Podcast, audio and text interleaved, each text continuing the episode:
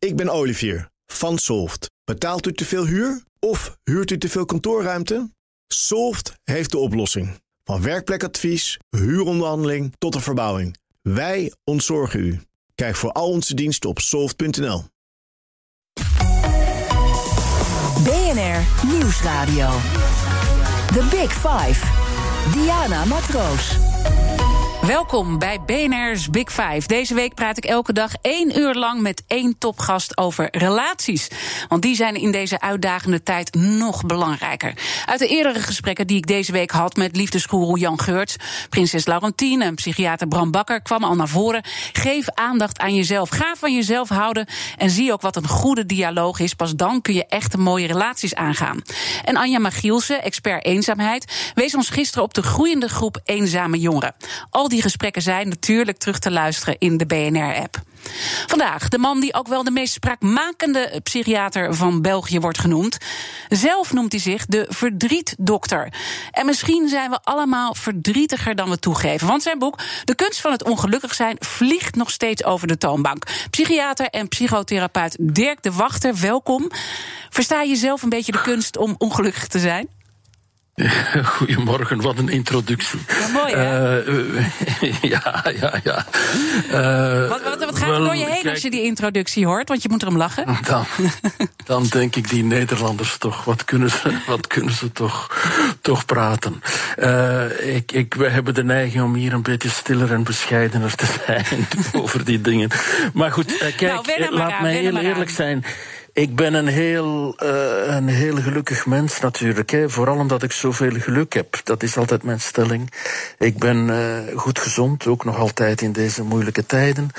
Ik heb uh, een, een, een, liefdevolle vrouw. Ik heb kinderen ja. goed stellen. En hoe ja, kan je ons dan leren is... om leren ongelukkig te zijn als je het zelf eigenlijk niet bent?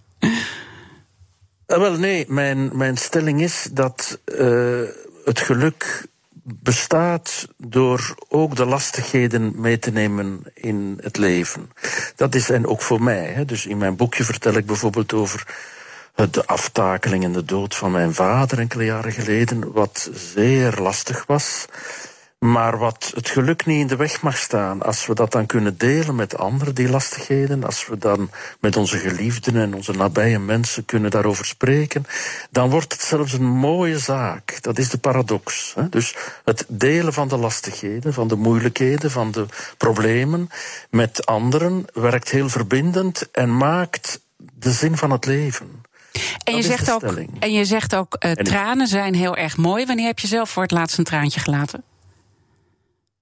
Oh, ja, wat een heel persoonlijke vraag. Ja. Kijk, enkele weken geleden, eh, toen de, de maatregelen rond het virus wat beter werden hier in België, nu is het terug slechter, maar zijn we met een boot, met een boot op de zee gaan varen. Met mijn broer en zijn kinderen, met mijn eigen kinderen ook, met onze familiale bubbel zo. En hebben we de assen, de, de assen van onze beide ouders, in de zee gelaten. En dat was toch wel een heel beklijvend moment zo. Uh, omdat mijn dochter is hoogzwanger.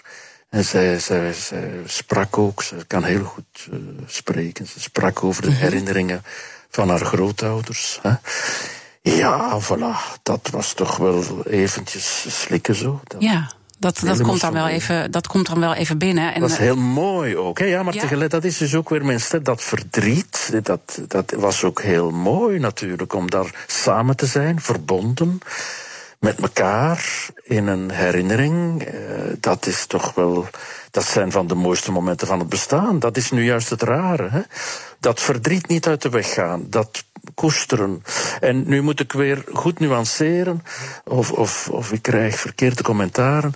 Het gaat over het gewone leven ook. Ik heb het niet over traumatiserende, vreselijke gebeurtenissen, zoals ik die in mijn praktijk ook wel zie. Dan is er wel professionele hulp nodig en meer dan gewoon gesprek. Hè. Dat, dus dat moeten we goed uh, scheiden, dat snap ik goed, om dat nog eventjes ja, te, ja. te benadrukken. Maar in het gewone leven dat goed gaat, zoals het mijne komt ook verdriet en lastigheid en tekort en moeilijkheden. En die moeilijkheden met elkaar delen, mekaars psychiater een beetje zijn, zeg ik dan, hè, dat komt het leven ten goede. Ja, dat zou een hoop, Dus het is uh, een, zou een soort paradox. Door, door, Ja. Moest het leven geen lastigheid hebben, er zou ook geen liefde zijn, zeg ik altijd. Dan zouden we op onszelf bestaan en zeggen: Ik heb niemand nodig. Maar het is door de lastigheden en de tekorten en de moeilijkheden en die ziekte en eh, Ja. allerlei dingen, dat we elkaar zo nodig hebben om daar te kunnen samen over spreken. Laten we daar eh, straks ook wat verder over praten, want we kunnen vast nog een hoop leren. ehm, en, en ik zeker. dus eh, ik eh, beschouw dit ook maar even als een persoonlijk consult. Eh, dat je in dit vak terechtgekomen bent, is eigenlijk allemaal begonnen ooit toen je heel klein was nog met het boek De Avonden van Gerard Reven. En toen zag je al die innerlijke dialoog die mensen met elkaar hebben, met zichzelf, is fascinerend. Hè? Dat je over straat loopt en dat je eigenlijk niet weet waar zijn ze in hun hoofd mee bezig. En toch wil je dat als psychiater dan eh, weten. Wat is de dialoog die. eh, gelezen, ja. Ik ja, was ik toen wel al voor. groot. Nou ja. Ik was niet geen Nee, klein maar- kind meer. nee, maar het was nog voor de studie, hè? Jong. Jong. Ja, jong en onwetend, 15, 16 jaar. Zo. Oh ja, Eh, eh, in dat is inderdaad niet in klein, maar wel jong. Ja. Ja, maar maar even naar het nu, hè? Wat, wat, wat is nou die dialoog die veel mensen in deze tijd met zichzelf hebben, denk je?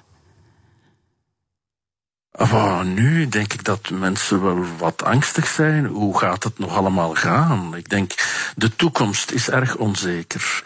En dat gaat niet alleen over de angst van het virus zelf om ziek te worden, maar zeker en vast voor vele mensen de angst voor hun beroepstoekomst en hun financiële situatie. Ik hoor op, op het nieuws dat ik bij jullie kon beluisteren over de ontslagen bij de vliegtuigmaatschappij. KLM, Maar ja. er gaan er nog veel volgen, ook, ook in heel de wereld trouwens. De financiële gevolgen van dit gebeuren zijn eh, moeilijk te voorspellen, maar in ieder geval negatief. Dat zeggen alle economen mij. En dat geeft voor veel mensen toch een onzekerheid van hoe moet dat gaan? Zal ik mijn job kunnen behouden? Zal ik mijn huis kunnen afbetalen? Hoe gaat het? Ja, hoe, hoe gaat het gaan met onze, onze toekomst, onze sociale zekerheid? Ik ben daar zeer bezorgd over. Hè? Dat de volgende jaren het beleid zal moeten aangepast worden om die economische put en die financiële problemen eh, te counteren. Ja? Hoe gaat dat wegen op ons sociaal systeem? Hè? Het, het- zeker het Europese sociaal systeem, dat uniek is in de wereld en zeer goed is. De pensioenen, de werkloosheidsvoorziening, de ziekteuitkeringen. Gaat dat behouden blijven? Want we dreigen, en nu ben ik, het is bijna politieke uitspraken, we dreigen toch te gaan naar, naar een gespleten maatschappij van haves en have-nots, van armen en rijken, mensen die uit de boot vallen. Hè, meer Amerikaanse toestanden kunnen we dat noemen. Ja. Dat En- is het gevaar. en dat Hoe is- kunnen dat is we die Europese sociale bezig. maatschappij behouden? Ja, en dat is is al een- zeker een tijd bezig, zeker en vast. Er, er- er is in, in heel Europa eh, het probleem. Maar gaat dat door deze coronacrisis in een versnelling komen? Hè? Ja. Versnelling in de slechte zin van het Nou woord. ja, Dat is mijn je, vrees. je hoort Ja. nu al van hè, wat is een mensenleven waard. Dat wordt steeds duidelijker eigenlijk, eh, wordt die discussie eh, gevoerd. Hoe kijk je daarnaar? Wel een, een ja, dat, ik vind dat alleen er zo naar kijken, vind ik heel moeilijk. Hè? Het economiseren van de wereld in het algemeen en het economiseren tot het mensenleven toe. Hè? Dat, eh, ja, dat. Nu, nu doe ik een heel forse uitspraak, maar dat doet mij een beetje denken aan de, de nazi-tijd. Toen er gezegd werd van kijk, de gehandicapte mens en de, de, de, de mensen met ernstige psychiatrische problemen. Daar, er verschenen affiches in het straatbeeld hoeveel dat die per jaar kosten. Dus het, het financieel afwegen van een mensenleven vind ik op zichzelf al een niet-ethische daad. Ja? En tegelijkertijd zo- zien we, eh, zien we hè, want ik, ik snap eh, wat je zegt. En tegelijkertijd zien we dat door de maatregelen die nu genomen worden, je geeft het zelf ook al aan, de economie staat totaal op zijn kop. Het fundament wordt onder ons leven vandaan gehaald. Je bent praktiserend psychiater, je hebt chronisch psychiatrische patiënten, maar ook als ik mag zeggen, de wat lichtere gevallen. Je hebt in april al heel erg gewaarschuwd voor de grote psychische gevolgen die op ons afkomen. Wat merk je nu al aan de- in jouw praktijk, waar mensen tegenaan lopen in deze tijd? Wel, dat is nu nog niet zo merkbaar. Dat is altijd zo, zo moeilijk uit te leggen. Psychiatrie is een heel complex vak. Hè? Dus het is niet zo dat, dat er dus hier in België zijn er gisteren maatregelen, en zeker in Antwerpen waar ik woon, maatregelen aangekondigd die terug veel strenger zijn. En het is natuurlijk niet zo dat dan de dag nadien op de spoedgevallen van de ziekenhuizen mensen met een depressie komen. Hè? Zo gaat dat niet. Uh, psychiatrie is veel complexer en dat gaat onderhuids, insidieus. Dus dat, dat, dat werkt onder, ja, niet het onbewuste mm -hmm. zou ik bijna zeggen. dus ik, ik vrees daarop veel problemen op middellange termijn. Nu, vandaag, doen mensen erg hun best. Mijn patiënten hier in het ziekenhuis zijn vooral mensen met ernstige psychiatrische aandoeningen. Zeer, zeer kwetsbare mensen. Die houden zich heel goed. Die doen hun best. Die doen hun best ook, ook voor ons hulpverleners. Ze zeggen van het gaat wel dokter. Ja, we bellen die mensen op. We laten ze gelukkig ook nog komen naar het dagcentrum dat ik heb. We bezoeken hen eh, aan huis eh, met wandelingen en allerlei veilige manieren om te verbinden. En de meesten doen het echt heel goed. Dat is ook zo merkwaardig en ook mooi om te zien. Hè? Maar, maar, maar, je dus- verwacht dus op de langere termijn eigenlijk, ja. uh, zeker als je ook naar China kijkt, want daar lopen ze voor op ons. Hè? Uh, dus daar kan juist, je ook al bepaalde juist. dingen zien. En wat zie je daar waarvan je zegt, dit baart me zorgen? Wel, ik ben een wetenschapper, hè, dus ik probeer dat niet zo alleen maar gevoelsmatig uh, te, te vrezen allemaal, maar ik kijk naar de cijfers en ik zie inderdaad in China hoe na de lockdown de cijfers van angst en depressie heel erg uh, toenemen. En ik zie geen reden waarom dat, dat hier niet zo zou zijn. Hè. Dus ik, ik denk dat we daar moeten op voorbereid zijn. En hier uh, heb ik het geluk om met de minister ook daarover te kunnen spreken, om voorbereid te zijn op op die, maar zeggen, die, die, die epidemie van psychische problemen. Hè. De depressie, angst, burn-out, heel veel denk ik ook. De werkgerelateerde problemen. Mensen die hun werk verliezen of dreigen te verliezen. Of die andere functies krijgen en, en dat niet aankunnen. Die onder grote druk staan. Hè. De economie die terug moet aanzwengelen, waardoor de producties hoger moeten met minder mensen. Al die zaken. Daar moeten we op zijn minst nu al over nadenken. Over voorbereid dat zijn. We, ja. ja, dat we, dat we The Big Five. Diana Matroos. Deze week praat ik met vijf topgasten die alles weten van relaties. Mijn gast vandaag is psychiater Dirk de Wachter. En wij stellen altijd uh, kettingvragen hier in onze uitzending. Dan gaat het heel mooi door van de ene gast naar de andere gast. En gisteren was hier bij mij uh, te gast Anja Magielsen. Zij is echt de expert hier in Nederland als het gaat over eenzaamheid. En die had twee vragen voor je, maar laten we beginnen met haar eerste vraag ik vraag me altijd af, uh, als het over geluk gaat, hoe het kan dat, uh, dat Nederland als een van de gelukkigste landen uh, ter wereld te boek staat in al die, in, in, al die statistische onderzoeken. En dat er toch ook heel erg veel eenzaamheid is. En die vraag stelt ze natuurlijk aan je, omdat je dat boek hebt geschreven, De kunst van het ongelukkig zijn.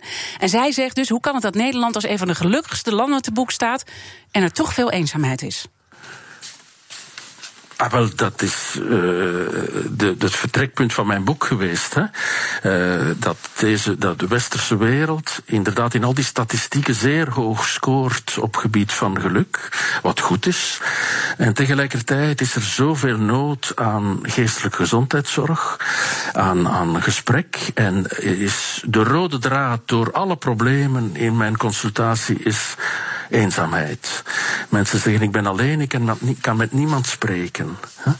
En dus mijn stelling daar, dat is dat uh, we obsessief met dat geluk bezig zijn en dat we wat meer tijd voor elkaar moeten maken. En dat betekent dat we dus ook de lastigheden met elkaar moeten kunnen delen. Dat is het vertrekpunt, heel eenvoudig. Hè?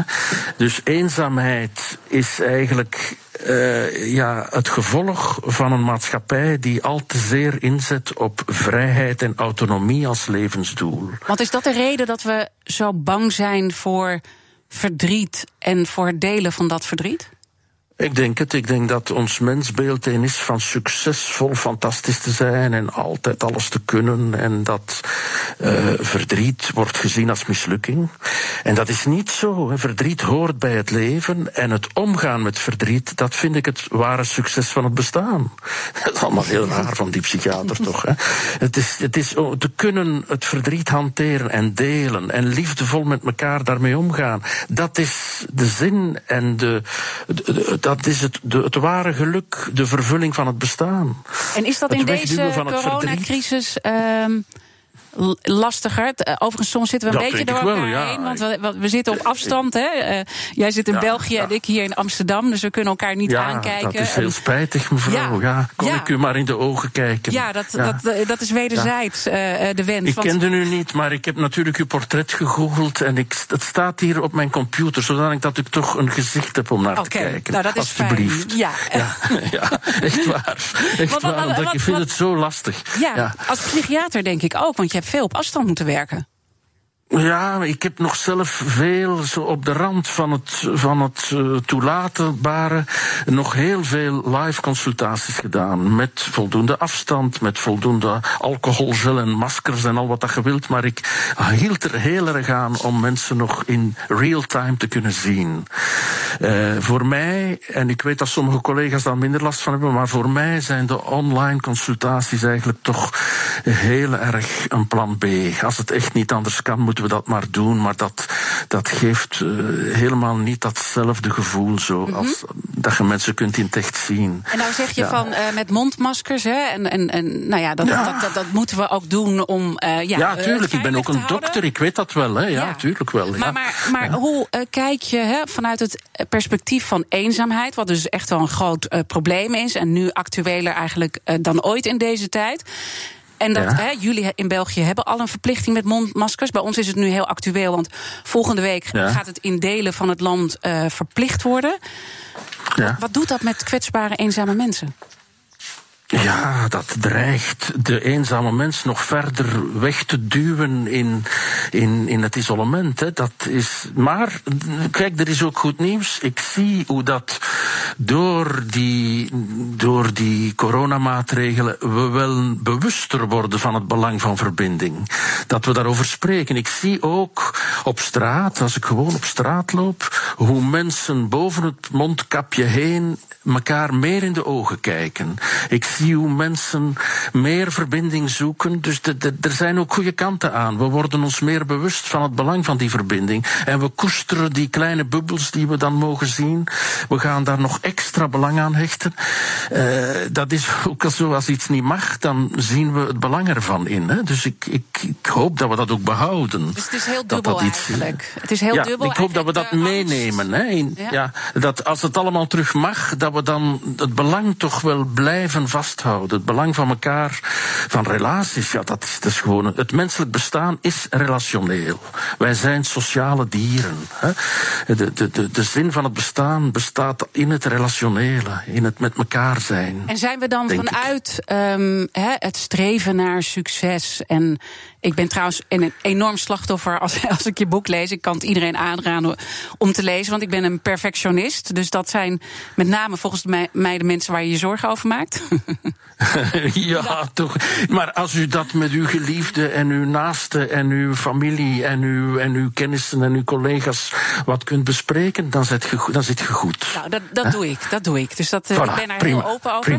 We, we, zien ja. uh, nu dus uh, dat die relaties een andere betekenis krijgen. En dat we dus meer het belang inzien van die relaties. Want tot nu toe waren we erg op het ik gericht. En dat zie je dus veranderen ja. nu. Wel, wel, ja, maar kijk, dat zijn voorzichtige aanzetten. Ik denk niet dat we nu met deze coronacrisis plots een andere mens krijgen. Zo gaat dat ook niet. Hè? Die evolutie van vele honderden of zelfs duizenden jaren, die gaat door deze coronacrisis niet ineens anders zijn, hoor. Dus uh, ik, ik spreek daarover, ik vraag daar aandacht voor, ik hoop dat we daar iets van meenemen, dat we van deze miserie nog iets goed kunnen maken. Maar om nu te zeggen, voilà, Uh, dat gaat hier allemaal nu veranderen. We gaan nu traag en ecologisch en welbewust en liefdevol met elkaar leven en het paradijs is nabij. Dat denk ik niet. Hè. Eh, ik denk dat we heel aandachtig gaan moeten opletten om niet terug en zelfs meer dan voorheen in een soort rat race terecht te komen waarin de economie nog harder moet stomen om de financiële gaten te dichten en waarin meer mensen uit de boot dreigen te vallen. Dat is echt wel mijn vrees. Mm -hmm. En ik wil daarvoor waarschuwen. En ik zie ook hoe nu, in ieder geval in België, ik denk ook in Nederland, hoe de politiek nu wel heel erg bewust daarvan is. Hoe men inzet op de zorgsector, hoe men daar in ieder geval toch heel gunstig over spreekt, hoe men uh, financieel ook de mensen bijstaat, nu in deze crisistijd. Maar mijn vrees is toch op middellange termijn, bij de begroting van volgende keer en de keer nadien, hebben we dat toch al een beetje ja. gezien bij de discussies over Europa. En nu moet ik voorzichtig zijn naar de Nederlandse uh, bevolking. Ja, maar hoe, uh, hard opgesteld, ja, hè? Ja, ja. Hoe het solidaire toch vlug uh, moeilijk wordt. Hè, met, verder doe ik geen politieke uitspraken hoor, maar hè, hoe, hoe, die solidariteit toch een heel broos thema is. Terwijl angst tegelijkertijd ook meer solidair maakt. In een eerste fase is dat zo, zeker. We hebben gezien in de eerste fase hoe mensen elkaar helpen, mensen elkaar ja, bijstaan, zich opgeven als vrijwilliger, uh, hoe, hoe mensen bij hun buren langsgaan die ze eigenlijk jaren niet meer gezien hadden. Hè? En nu gaan bellen om te zeggen, kan ik een boodschap meebrengen of zo. Hoe we ook in de rust- en verzorgingscentra gezien hebben hoe belangrijk het bezoek is. Nu dat het niet mocht, zeggen we, oeh, dat is verschrikkelijk. Maar heel veel mensen, dat weet u ook, zit al vele jaren alleen zonder veel bezoek in die woonzorgcentra. Dus daar bewust van worden, dat, dat nu goed realiseren, dat is toch wel het gevolg van deze crisis, denk ja. ik. En, en ik we hoop dus, dat we dat volhouden. We, ja, dus daar moeten we allemaal ja. aandacht voor hebben. Even los van de financiële zaken die we daar uh, nou ja, voor op peil moeten houden. Het, het hele stelsel. Maar, maar, maar moeten we niet ook mensen die eenzaam zijn veel actiever gaan opsporen? Dat klinkt zo opsporen. Dat klinkt zo raar in mijn. Ja, dat klinkt heel fout, uh, kijk, maar de, maar de, maar de ik, bedoeling ja, is goed. Ja. ja. Ja, ja, zeker. Ja, ik denk niet dat er een minister van eenzaamheid moet komen, zeg ik altijd. Het is geen top-down gebeuren. Ik denk dat dat iets is dat bottom-up moet uh, gebeuren, namelijk in, in, in, de, in, in gemeenschappen waarin aandacht wordt gevraagd voor samenhorigheid, voor elkaar bij te staan. Ik denk dat dat iets is dat onder mensen in het gewone leven zich moet afspelen. Dat we dus niet mensen moeten opsporen, maar dat we in buurten in lokaal, in kleine gemeenschappen, aandacht moeten hebben voor iedereen. En we moeten ze niet opsporen, we kennen ze wel. Ja, Als we naar de buurt gaan. Dus ik moeite voor. Ja, uh, laten ja, we ik geloof heel erg. over verder praten. Sorry, ik moet je weer even onderbreken. Goed, goed. Ja, ja, ja, prima. Uh, want we, we, moeten ook even, hè, daar leven wij van, we moeten ook naar, even naar de reclame en het nieuws, want we willen ook even bijgepraat worden. Maar straks praat ik verder met psychiater Dirk de Wachter over hoe we voor onze geestelijke en lichamelijke gezondheid, hoe we daar een evenwicht moeten vinden tussen nabijheid en afstand. BNR Nieuwsradio. The Big Five. Diana Matroos. Welkom bij tweede half uur van BNR's Big Five. Fijn dat je weer luistert. Deze week praat ik met vijf topdeskundigen op het gebied van relaties. Want die zijn in deze moeilijke tijd belangrijker dan ooit. Vandaag is mijn gast de bekende psychiater uit België, Dirk de Wachter. En uh, we hebben al goed gesproken over nou ja, dat we erg bezig zijn met ons uh, ik. En dat streven naar geluk en succes. En dat we daar een beetje mee moeten uh, stoppen als het, nou ja, op basis van jouw advies in ieder geval. Iets anders is wat we in deze tijd heel erg zien, is dat met name singles tijdens de lockdown die we hadden heel erg over huidhonger hebben geklaagd. Volgens mij vind je überhaupt dat woord verschrikkelijk. Nee, wel, ik vind dat niet alleen. Er waren nogal wat mensen die dat een vreselijk woord vinden en ik kon dat wel volgen. Het is een beetje een cannibalistisch woord eigenlijk. Het lijkt alsof we elkaar willen, willen bijten. Ja. Vreten, ja. Ja. Dus ik, ik dacht, laten we daar een uh, wat uh, liefelijker term voor bedenken. En dan dacht ik aan strelingstreven. Uh, dat is dan toch wat, Wat zachter. zachter. Van, Ja, ja. ja, ja. Goed maar maar idee. het is Ja. zeker zo Ja. dat de lichamelijkheid een heel belangrijk verbindend gegeven is ook. Dat het niet alleen gaat over met elkaar praten, heel belangrijk, over verdriet en die dingen, zoals ik gezegd heb, Mhm. maar dat daar ook nabijheid bij betrokken is. Dat menselijke communicatie via alle zintuigen gaat. Hè. Dat het heel nabij zijn, elkaar vasthouden, elkaar kunnen aanraken, strelen. Eh, in alle betekenissen natuurlijk, niet alleen het erotische, hè, ook wel, hè, maar dat, dat dat in al, al die. dat het heel belangrijk in het menselijk bestaan is om elkaar lichamelijk nabij te zijn. Ja, want wat doet dat met Eh. ons? eh, hè, dat, dat, we moeten nu steeds, nog steeds fysiek afstand houden. En wat doet dat Ja. ons, met ons zelfgevoel? Hoe werkt dat precies? Wel, het, het zelfgevoel is heel afhankelijk van de ander, zeg ik altijd. Wij zijn maar een zelf, maar dat is heel technisch, als we gezien worden. Hè? En gevoeld en geraakt worden. Hè? Wij zijn, ons zelf is geen op zichzelf staand gegeven, maar is, een, een, een, is het resultaat van, het, van een interactie van anderen. hè? Dus de blik van de ander maakt wie ik ben. Mhm. Maar wat doet die dus- aanraking? wat doet die aanraking Wel, die in je aanraking is ook fysiologisch. Ja. Er zijn heel wat de onderzoeken over. Dat gaat over oxytocine en al dat soort van theorieën. Hè. Maar dat heeft te maken met hechting ook. Hè. Het kleine kind, als het geboren wordt, moet aangeraakt worden om goed te ontwikkelen. Daar is heel wat wetenschappelijke evidence over. Dus hè, ook, ook kleine kindjes moeten gekoesterd worden, gekangoeroed worden hè, op het lichaam van de ouder.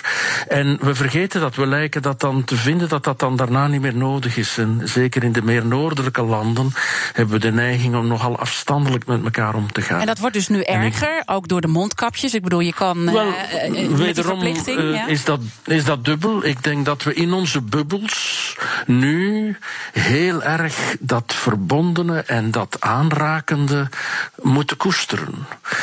In, in de kleine bubbels, waar alles nog een beetje mag, hoop Ja, ik dan ja, toch, daar kunnen we nog, nog, ja, ik denk ik toch, daar ondervinden we hoe belangrijk dat dat strelen toch is. Ja. Dat knuffelen. Want dat hebben dat- jullie hè, in België. Jullie zijn. hebben eh, bubbels, ehm, waar je dus Ja, vijf ja. mensen mag kiezen buiten je gezin, waar je wel die nabijheid mag zoeken. Dat hebben wij eh, hier niet. Hè? Eh, zou dat goed zijn Oh, als we dat. Ja, nee, wij hebben dat niet. Nee. Ik ga mij niet te veel moeien met de Nederlandse ziel, Nou, maar kijk, het is, het is een beperking die hier is. En ik, ik heb, het is het vijfde interview deze week, denk ik, maar dan vooral in de Vlaamse media. Ik zeg dan, koester deze vijf mensen en maak u niet te ongelukkig over de anderen die je nu even niet mocht zien. Hè. Dus koester toch die aanraking van die, van die vijf nabije mensen. Dat is erg belangrijk. Ja? Mhm. Ja. Ja, Ja. ja, hoe Eh, dat, dat in Nederland georganiseerd is, weet ik niet. Nee, maar het zou goed zijn als wij dat misschien ook eh, hier zouden doen. In ieder geval eh, werkt dat bij jullie dus goed. Alles gaat over nou ja, strelingsstreven, dus in, in jouw woorden, of huidhonger, zoals we het hier noemen. En daar had onze gast van gisteren, hoogleraar Anja Magielsen, die dus alles ook weet over eenzaamheid, die had daar ook een vraag eh, voor je aan jou. Oké. Ja, daar gaan we even naar luisteren. King, Hoe kan je dat anders invullen als je elkaar niet fysiek aan kan raken? Kan eh, emotionele nabijheid eh, fysieke aanraking compenseren? Kan je het dus op een bepaalde manie compenseren? Die fysieke ja, nabijheid. gelukkig wel een Ja. beetje. Hè? Dus we hebben gezien dat als, als het, de, de, het nabije contact niet kon, dat we dan via, via de nieuwe media contact kunnen maken enzovoort. Dus dat is nogmaals een plan B. Dat is altijd. Maar ik pleit er toch erg voor om met beschermingsmiddelen zo nabij mogelijk te komen. En dan heb ik het bijvoorbeeld over de bejaardenzorg. Hè, waar ik, kunt u toch voorstellen dat een, een dementerend bejaarde mens daar zo zit met een computerscherm waar een kleinkind op verschijnt, dat dat soms heel verwarrend en heel weinig doet. Hè. Dus laat dat kleinkind dan toch achter een glazen wand zijn dansje uitvoeren. Ik zeg maar wat. Hè. Of probeer met beschermende kledij en handschoenen en mondmasker toch elkaar aan te raken. Dus wees creatief om zo nabij en zo welvoelend mogelijk te zijn. Ja, dus, dus moeten we dat mondmasker dan toch eh, omarmen, omdat dat meer ruimte schept maar ja, tegelijkertijd wordt er gezegd dat is juist niet de bedoeling. ja, ja, dat is het verwarrende. Ja, maar, nee, maar heel gericht laten we toch verstandig en wetenschappelijk verantwoord handelen. En dat we met testing en tracing kijken wat is veilig, wat kan er. En dan binnen die bubbels en binnen die veilige mogelijkheden de nabijheid zo goed mogelijk benaderen. Met bijvoorbeeld mondmaskers die doorschijnend zijn. Ik zeg maar wat, dat zijn technische mogelijkheden. Hè, Waardoor je elkaars mond in ieder geval ziet en toch meer contact maakt. Natuurlijk. Ja. ja. dat zijn toch zaken die waar, het, waar de huidige technologie toch ons kan in helpen. Hè. Ik vind het een heel goed idee. We met, met handschoenen ook elkaar, elkaar aanraken en de handschoenen nadien weggooien. Enfin, er moet toch iets mogelijk zijn. Dat, dat, dat, we kunnen zoveel op technisch gebied. Laten we daar eens een keer beter over nadenken. Want, want, eh, want je noemde al even de ouderenzorg, de verpleeghuizen. Uh, dat is natuurlijk verschrikkelijk wat daar doorgemaakt is. Want dit zijn mensen ja, in hun laatste stadium. En die hebben van de een op de andere dag gezegd: je mag geen contact meer. Ja, dat is vreselijk natuurlijk. Ook het sterven. Hè. Er zijn heel wat mensen gestorven. Alleen omringd door gemaskerden. Dat is toch wel erg, omdat dat is qua eenzaamheid heel, heel erg. Hè? En daarna was er een uitvaart waarin we elkaar ook niet mochten aanraken. Waarin we dus op afstand stonden om, om daar uh, ja, onze teksten te lezen, onze muziek te beluisteren met een beperkt aantal mensen. Dat is heel erg eigenlijk, ja. En zijn we daarin dus te ver gegaan? Goh, dat weet ik niet. Ik ik wil, nogmaals, ik wil als arts daar ook wel de maatregelen onderschrijven. Hè. Ik, maar ik denk dat we nu, we hebben voortschrijdend inzicht, we hebben meer zicht op hoe het virus zich gedraagt, we hebben ook meer zicht op veiligheid en onveiligheid, we hebben testen. Uh, laten we nu proberen genuanceerder en uh, beter lokaal ook te zien waar zijn de, de moeilijke punten, waar, waar kunnen we wat meer loslaten. Ik denk dat we het beleid nu wat meer kunnen sturen. En, dat we dus niet weer in zo'n uh, enorme lockdown moeten gaan. Uh, zeker niet bij mensen die al heel kwetsbaar zijn. Absoluut, ja, zeker en vast. Ja. Ja, maar laten we ook in die kwetsbaarheid zo creatief mogelijk zijn om nabijheid toe te laten. Ja. Want wat zijn de psychische effecten geweest voor uh, mensen die nou ja, zo kwetsbaar zijn, in het laatste moment van hun leven zitten, die je dan gewoon zegt: jij mag geen contact meer? Wel, ik hoor dat uh, uit de sector dat uh, nogal wat mensen, ja, dus dementerende mensen, mensen met cognitieve problemen, dat die nog verder zijn afgegleden hè, en achteruit gegaan zijn in hun, in hun uh, functioneren. En op den duur zelfs uw familieleden niet meer herkenden, dat soort zaken. Hè. Dat is heel tragisch. Ja. En, en niet alleen voor die ouderen zelf, maar ook voor de relaties die voor die de heeft familieleden met de, Toch, ook, want ja. die blijven ook achter. Ook, ja ook pathologische rouwprocessen, hè, waar mensen niet uh, een goed afscheid hebben kunnen nemen. Wat ik daar straks verteld heb, hoe belangrijk dat, dat is. Hoe ik op die boot, op de zee, mijn ouders in de zee kon laten. Uh, dat was heel erg mooi. Omdat we met de familie samen waren, erg ja. verbonden. Mm -hmm. En omdat dat een heel symbolisch gegeven was. Een mens heeft nood aan rituelen en symbolen en verbinding met de eeuwigheid. En dat, dat is over alle geloofs systemen heen, denk ik. Hè? BNR Nieuwsradio. The Big Five. Diana Matroos. Je luistert naar BNR's Big Five van relaties. Mijn gast vandaag is de bekende psychiater uit België, Dirk de Wachter. En mijn collega Gert-Jan Haan bij het aankondigen van zijn programma zei... ja, ik, ik kom een beetje hard erin met een heel ander uh, onderwerp... maar ik denk dat het eigenlijk wel mooi is om uh, dat onderwerp nog eventjes ook uh, met jou door te spreken. Want je zou maar nu bij KLM werken en je zou maar je baan verliezen. He, dat dat ja. schetst je al aan het begin van de uitzending. He. Veel mensen die in economische onzekerheid komen. Als een van die mensen nu zitten te luisteren, wat zou, wat, wat zou je dan zeggen hoe ze daar geestelijk en lichamelijk mee om moeten gaan? Ja, het is zo moeilijk, omdat voor iedereen is, is dat anders. Maar mijn stelling blijft, wees verbonden. Spreek met elkaar, spreek met uw collega's die in hetzelfde schuitje zitten, of vliegtuigje zitten. Uh, spreek met, met uw geliefden, spreek met elkaar, slik het niet in. Hè. Dat is in ieder geval een heel belangrijk gegeven. En dan zou ik aan het beleid, ik heb daar dan zo van die out-of-the-box ideeën over natuurlijk, hè, zou ik aan het beleid durven vragen van, is dit niet het moment om een aantal dingen fundamenteel te herdenken? Hè? We, wisten toch al vele jaren dat de luchtvaart een ecologisch, ecologisch moeilijke sector is. Hè? Dat, dat, dus is dit niet een moment om in te zetten op uh, het treinverkeer, op het bootverkeer en andere uh, meer ecologische uh, vervoersmiddelen. En daar ook de werkgelegenheid en de ondersteuning massaal voor te, te, ja. te gebruiken. Ja. Dat is een, dat is een, ik weet wel dat dat een droom ook is, en dat dat ook niet zo makkelijk in één keer gerealiseerd wordt. Maar dat, dat moeten toch ideeën zijn die we nu moeten opwerpen. Ja. Ik, ik, ik vind dat er te weinig alternatief gedacht wordt in deze moeilijke tijd.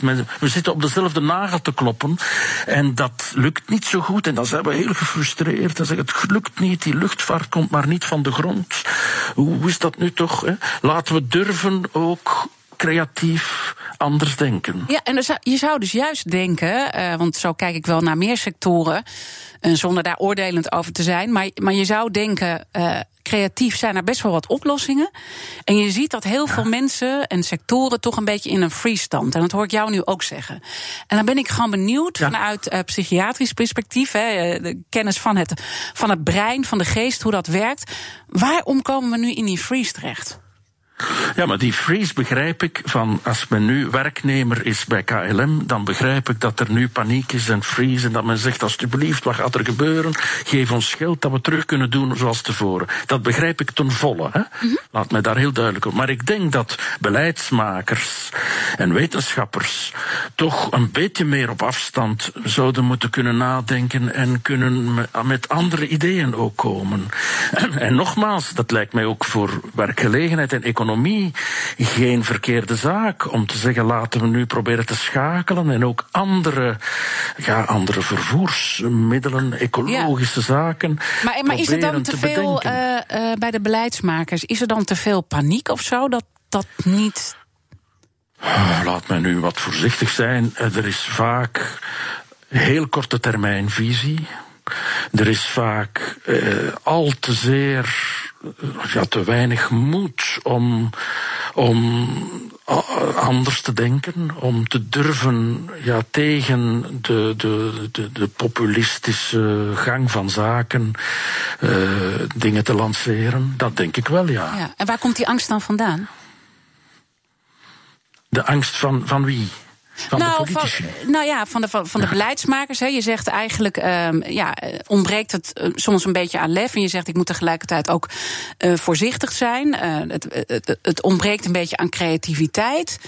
Waar komt dan die angst vandaan om dat niet te doen? Wat, wat, wat is het dieper liggende in onze maatschappij dat ervoor zorgt dat die mensen dat niet doen? Dat zijn moeilijke vragen. Uh, ik, ik denk ik denk dat onze maatschappij heel erg complex is. En dat we soms gevangen geraken in de netwerken van al die complexiteit. En dat we nood hebben aan out-of-the-box denkers die nieuwe ideeën durven lanceren en tegen de stroom in. Uh, en, en dat we daar ook moeten risico's nemen. Dat denk ik ook wel. Hè? Dat er het recht om te mislukken, bijvoorbeeld. Hè? Om te zeggen van mhm. kijk, we bieden een idee, dat lijkt wel wat, we gaan daarop inzetten. En dat is dan toch niet gelukt. Dat, dat moet kunnen ook. Alle grote wetenschappelijke uitvindingen zijn ook altijd via mislukkingen tot stand. Maar dan kom je dus eigenlijk ook weer terug bij jouw verhaal, het, het boek De kunst van het ongelukkig zijn. He, eigenlijk zeg je, we, we, moeten durven te mislukken of ongelukkig durven uh, te zijn. En nu zijn we alleen maar bezig om meer, meer, meer. Beter, beter, Juist. beter. Ja. Perfectionisme. Het is nooit goed. te denken. Eh, eh, ja, ja, dat is juist. Ik denk te proberen van andere ideeën ook plaats te geven en daarin moedig te zijn. En te, ja, het is makkelijker gezegd dan gedaan hoor. Ik, ik bedoel, het is absoluut ook niet verwijtend bedoeld. Hè, maar ik wil het wel, ik wil de steen wel in de kikkerpoel gooien.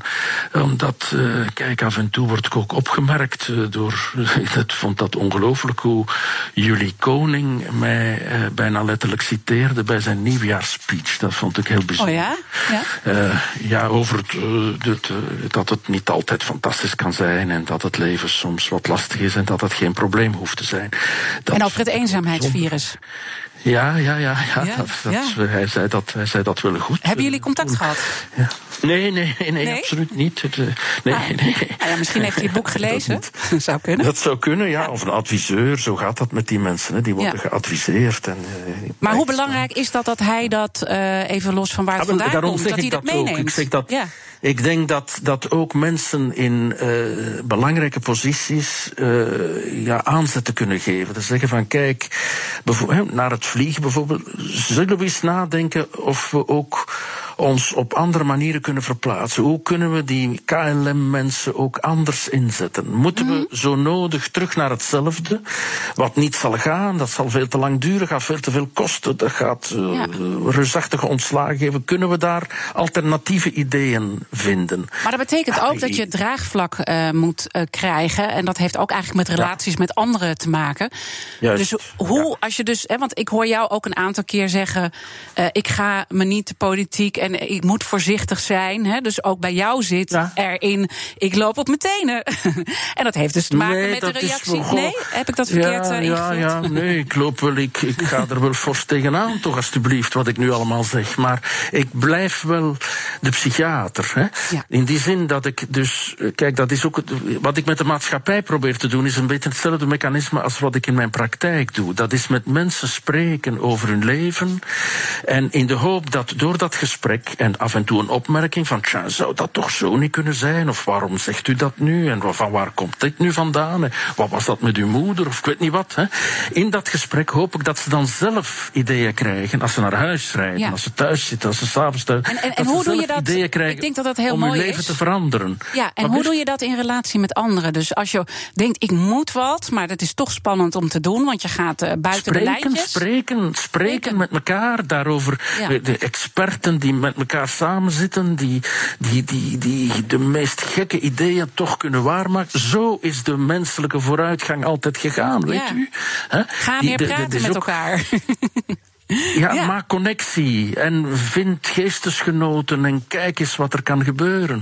Ja. Ik denk dat er, dat, dat er heel wat potentieel eh, mogelijk is. En dan, en dat is natuurlijk ook een heel romantisch idee, maar dan kan Nou. deze crisis, die verschrikkelijk is, ook een opportuniteit zijn voor verandering die al veel langer nodig was. Ik denk En dat het ik- belangrijk is om eh, niet alleen eh, te praten en te delen, maar ook vragen te stellen. En daarom hebben wij ook heel mooi de kettingvraag. Heb je net zelf ook een paar beantwoord van mijn gast van gisteren. Volgende week, dan heb ik natuurlijk gelukkig weer hele mooie gasten. En dan begin ik met een nieuw thema, namelijk de Big Five van artiesten. Ik heb een aantal topartiesten eh, volgende week. Prachtig is dat. Ja, geweldig. We hebben onder andere René Vroger. Ik weet niet of je zijn eh, muziek kent. Maar de eerste gast waar ik mee aftrap maandag... dat is eh, Candy Dulver, de bekende saxofonist hier in Nederland. Ze heeft met Prince ooit eh, opgetreden. Wat, wat zou je haar willen vragen? Want dit is natuurlijk ook bij uitstek een sector... die het ontzettend zwaar heeft. Je zal maar artiest zijn in deze tijd.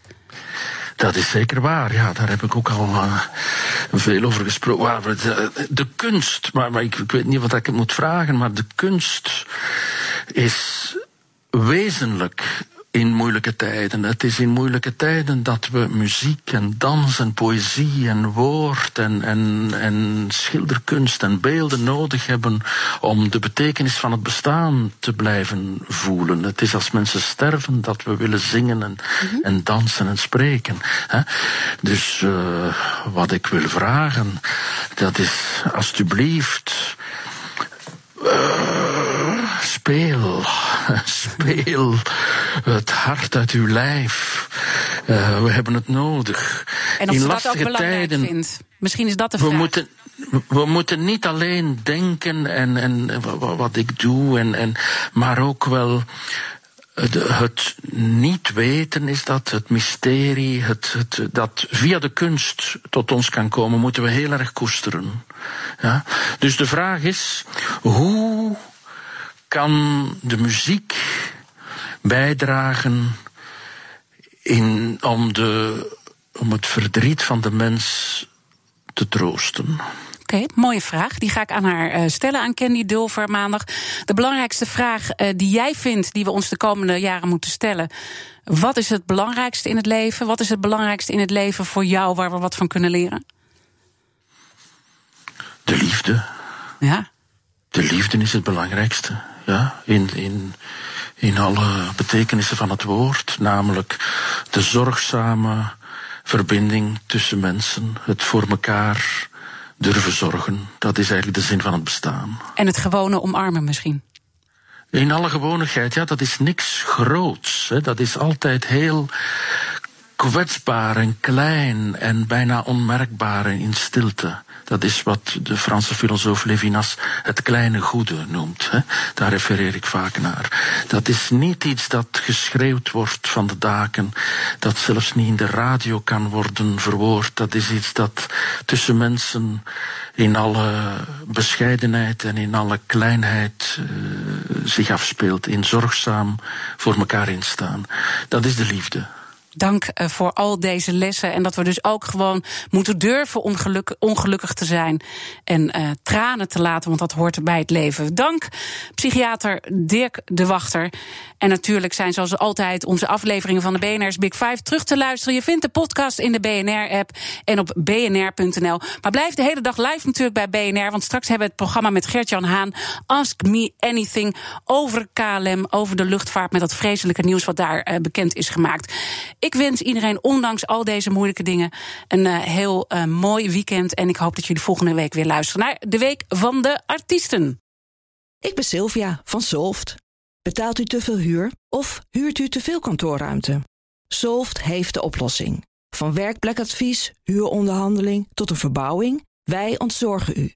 Kijk voor al onze diensten op soft.nl.